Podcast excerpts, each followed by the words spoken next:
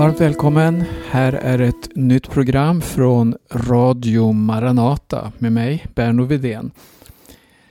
Vi har i ett antal program nu sett på Mose liv och vad som hände då han blev kallad av Gud att återvända till Egypten och träda upp inför farao. Han gjorde det med bävan, men han gjorde det och han hade Guds mandat på det han skulle göra. Och I förra programmet så såg vi en del av dessa plågor som drabbade Egypten. Och vi såg hur farao gång efter gång förhärdade sig. Alltså han gick rakt mot Mose och Gud. Och eh, han vägrade att lyssna till det budskap som Gud hade sänt genom Mose och Aron. Nu har vi kommit fram till kapitel 11 i Andra Mosebok. Och vi ska läsa idag om det som är då den tionde plågan. Och den här plågan den är så speciell och den har en så enorm betydelse också för oss. För den pekar fram mot något av det absolut viktigaste som har hänt under världshistorien. Och det är ingenting mindre än Jesu försoning. Alltså hur Gud försonade världen med sig genom Jesus Kristus. Det handlar om lammet som blev slaktat. Den här bilden hade ju inte Israel klart för sig. Det var ingen som kunde se fram på det sättet. Men det fanns i Guds hjärta. Och kom ihåg att hela gamla testamentet det är eh, fyllt av förebilder som pekar fram mot just det som Gud hade i beredskap. När vi talar om Israel, Guds egendomsfolk, så är ju det ett folk som, som är, har en speciell kallelse och det är att föra fram Guds namnet och peka fram mot den här fullödiga gemenskapen Gud vill ha med alla människor, alla folkslag. Och där har vi nyckelpersonen, det är Jesus. Så det som Jesus gjorde för oss på Golgata, då han gav sitt liv, det är tidens absoluta mittpunkt. Från den dagen, då kan vi tala om ett förr och vi kan tala om ett nu, alltså om en framtid. Här i Andra Mosebok 11 så kan vi läsa från första versen. Kom ihåg att situationen är mycket spänd i Egypten.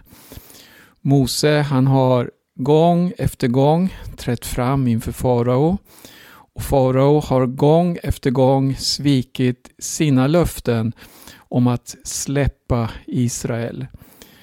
Och det sista vi hörde eller vi läste i förra programmet, det var det här att farao hotade Mose att om han en gång till skulle komma inför honom så skulle han dödas. Och Mose han sa att du kommer inte mer att se mitt ansikte. Där skildes de. Och nu i kapitel 11 så säger eh, Herren till Mose så här.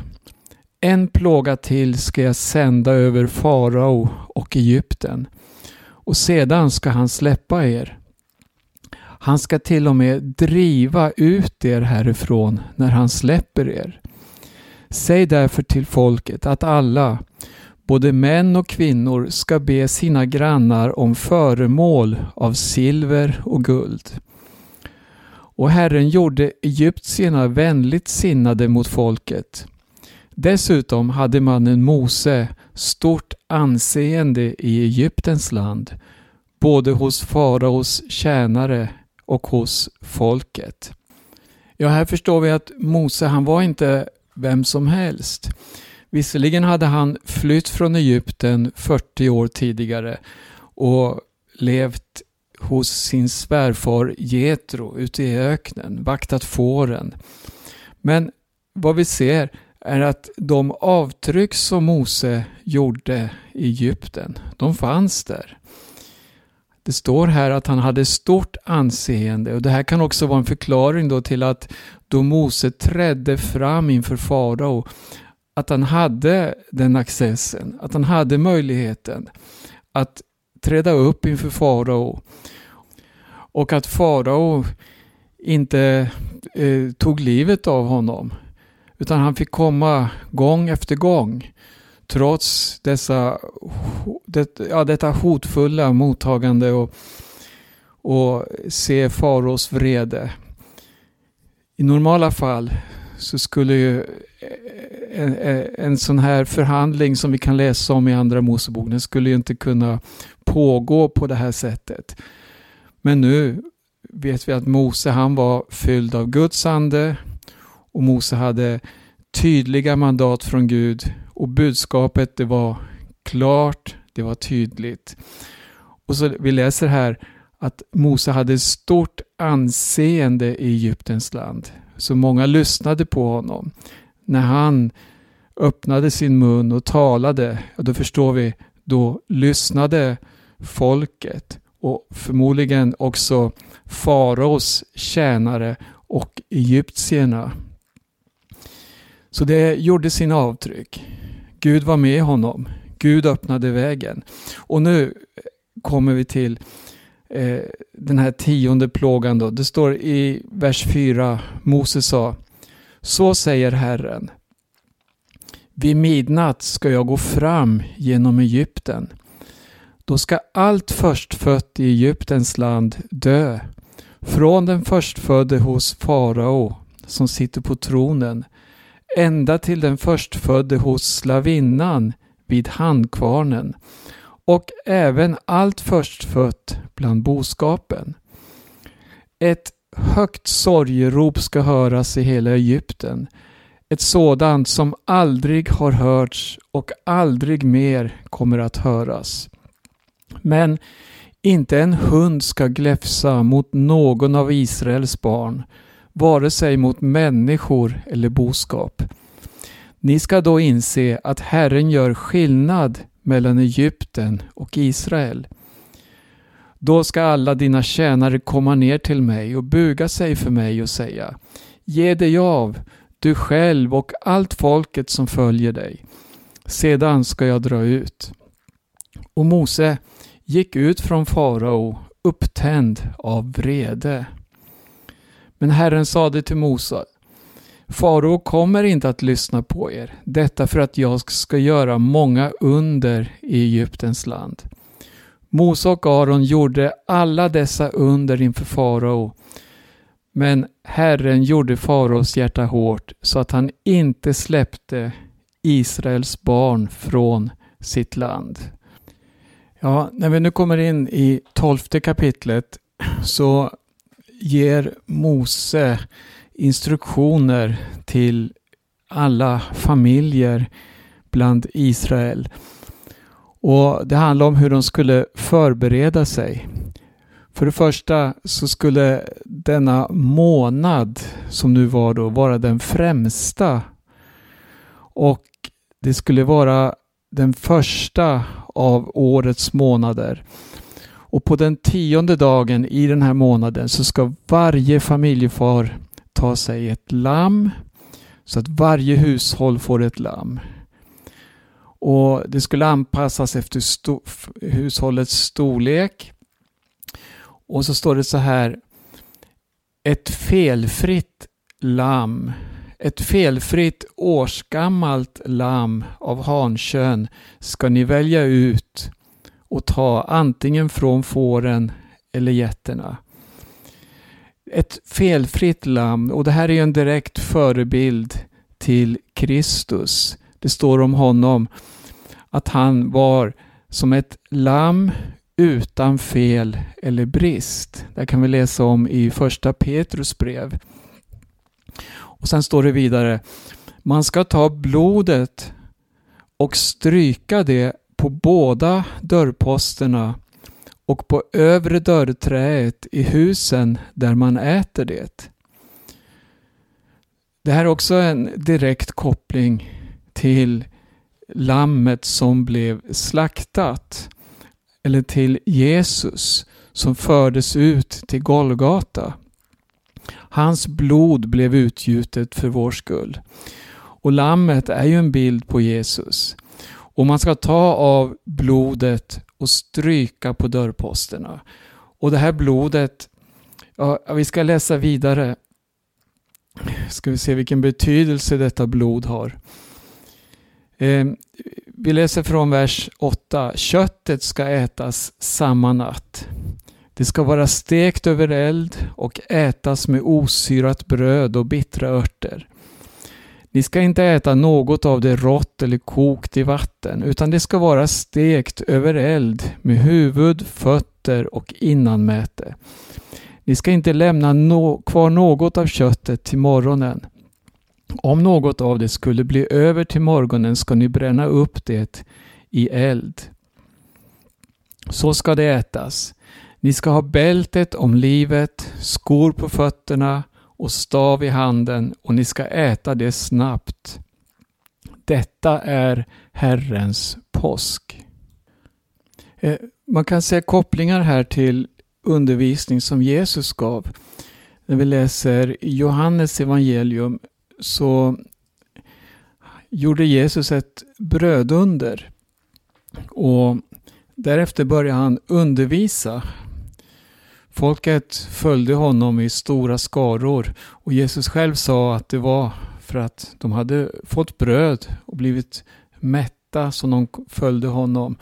Men då började han tala om att den som vill vara hans lärjunge måste också äta hans kött.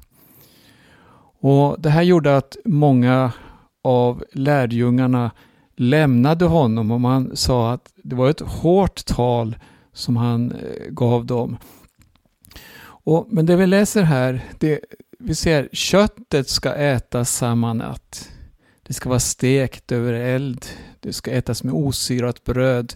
Och ingenting av det ska lämnas till morgonen. Skulle något bli över, ja då skulle det brännas upp i eld.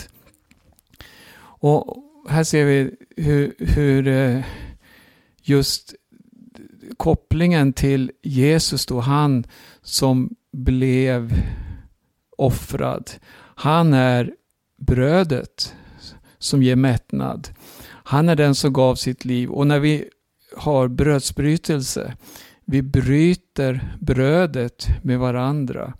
Vi äter tillsammans och så påminns vi om vad Jesus har gjort.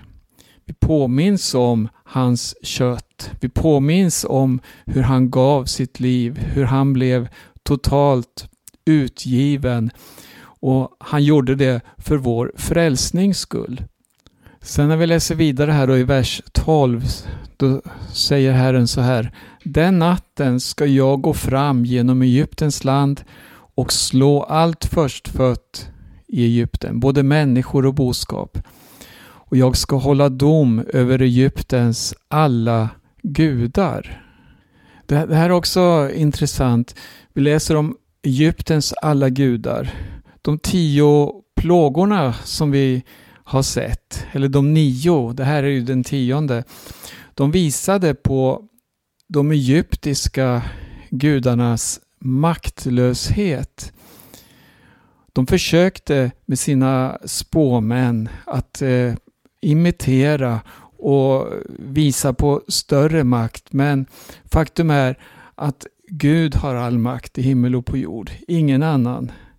Hans ord, det står fast. Det han har sagt, det han har beslutat, det kommer att äga rum. Likaså hans löften, de kommer att uppfyllas. Han är trofast i allt. Eh, vi har sett nio olika eh, plågor och va, var och en av de plågorna eh, visade ju på Guds makt då.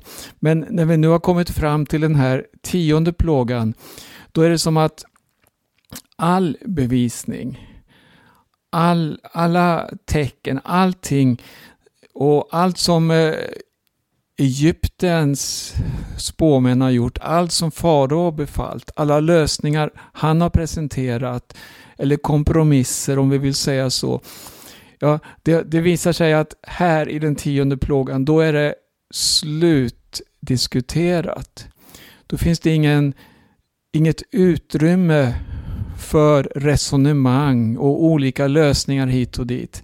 Nej, det finns en sak och det tystar alla. Det är det här, lammet blir slaktat och dödsängen kommer att gå över Egyptens land.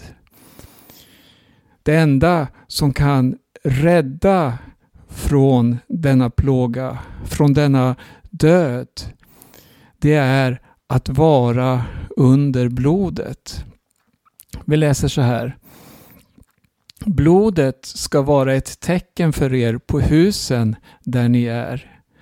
När jag ser blodet ska jag gå förbi er. Ingen straffdom ska drabba er med fördärv när jag slår Egyptens land. Det här var väldigt viktigt.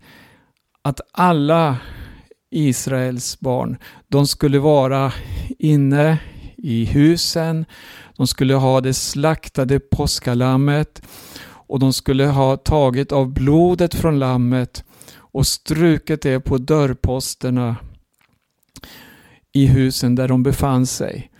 Och det var ett beskydd. De var under blodets beskydd. På samma sätt kan vi läsa om Jesu Kristi blod. Det renar oss. Det befriar oss ifrån all synd. Ja, och det befriar oss också från denna straffdom som det här står om. Domen drabbar alla människor. Hela världen är i den ondes våld. Men Jesus sa, var vi gott mod. Vem sa han det till? Till sina lärjungar, till de som följde honom. Han sa så här, jag har övervunnit världen. Ingen annan kan säga det. Ingen annan förutom det slaktade Guds lam. I vers 14 läser vi nu. Denna dag ska ni ha till minnesdag och fira som en Herrens högtid. Som en evig stadga ska ni fira den från släkte till släkte. I sju dagar ska ni äta osyrat bröd. Redan den första dagen ska ni skaffa bort all surdeg ur era hus. För var och en som äter något syrat från första dagen till den sjunde ska utrotas ur Israel. På första dagen ska ni hålla en helig sammankomst och på sjunde dagen ska ni hålla en helig sammankomst. Under de dagarna ska ni inte utföra något arbete utom det som hör till matlagningen för var och en. Det och inget annat får göras. Ni ska fira det osyrade brödets högtid därför att jag just den dagen förde era härskaror ut ur Egyptens land. Det ska vara en evig stadga för er att fira denna dag från släkte till släkte. Från kvällen den fjortonde dagen i första månaden ska ni äta osyrat bröd ända till kvällen den tjugoförsta dagen i månaden. Under sju dagar får ingen surdeg finnas i era hus. Var och en som äter något syrat ska utrotas ur Israels församling. Vare sig han är främling eller infödd, inget syrat ska ni äta. Var ni än bor ska ni äta osyrat bröd. Ja, det var mycket här om eh, surdeg. Om att ha osyrat eller syrat bröd. Eller det vi kallar för jäst idag då. Det som gör att degen jäser. Och det här är i Bibeln synonymt med ondskan. Jesus talar om en kvinna som blandade surdeg i degen eller i mjölet. Och det, det leder ju till en abnorm växt av, av degen. Och vi vet, vi använder det här när vi bakar. Men rent bibliskt så ser vi hur det här pekar på det rena, oförfalskade evangeliet. Det är det osyrade brödet. Och det evangelium som är förfalskat och som har, man vill ta in så mycket annat i evangelium och blanda upp det. Där har vi det som Bibeln då visar som surdeg. Och ingen kan bli frälst genom en hemmasnickrad religion. Genom, att, genom sina egna gärningar, genom alla sina försök. Nej, vi läser här, var och en som äter något syrat ska utrotas ur Israels församling. Så, så, så viktigt var det här. Och så är det med frälsningen. Ingen kan bli frälst i egen kraft eller med egna metoder. Det finns bara ett sätt. Det är att se på det slaktade Guds lamm, tro på honom och ta emot honom i sitt hjärta. Spurgeon sa så här eh, i ett tillfälle, det är ett uttryck som jag har sett eh, komma igen på, på, i olika forum. Det är lättare att segla över Stilla havet i en pappersbåt än att bli frälst genom egna gärningar. Det är något av det här vi möter i det osyrade brödet. Det ska vara det rena mjölet och det finns inget annat. Vers 21. Mose kallade till sig alla de äldsta i Israel och sa till dem nu gäller det här. Gå och hämta ett lamm för varje hushåll och slakta påskalammet. Ta en knippa isop och doppa den i blodet som är i skålen och stryk blodet på det övre dörrträet och de båda dörrposterna. Ingen av er får gå ut genom dörren till sitt hus före morgonen, för Herren ska gå fram för att slå Egypten. Men när han ser blodet på det övre dörrträet och de båda dörrposterna ska han gå förbi dörren och inte låta fördärvaren komma in i era hem och slå er. Ja, och nu händer det här som egentligen hela budskapet handlar om. Det som alla de olika plågorna har pekat fram emot. Plågorna har varit som varningssignaler för det som ska komma. Men nu är natten inne då dödsängen ska dra igenom hela Egyptens land. Och alla kommer att drabbas förutom de som är under blodets beskydd. Nu läser vi här i vers 29. Vid midnatt slog Herren allt förstfött i Egyptens land från den förstfödde hos farao som satt på tronen till den förstfödde hos fången i fängelset. Han slog allt förstfött bland boskapen.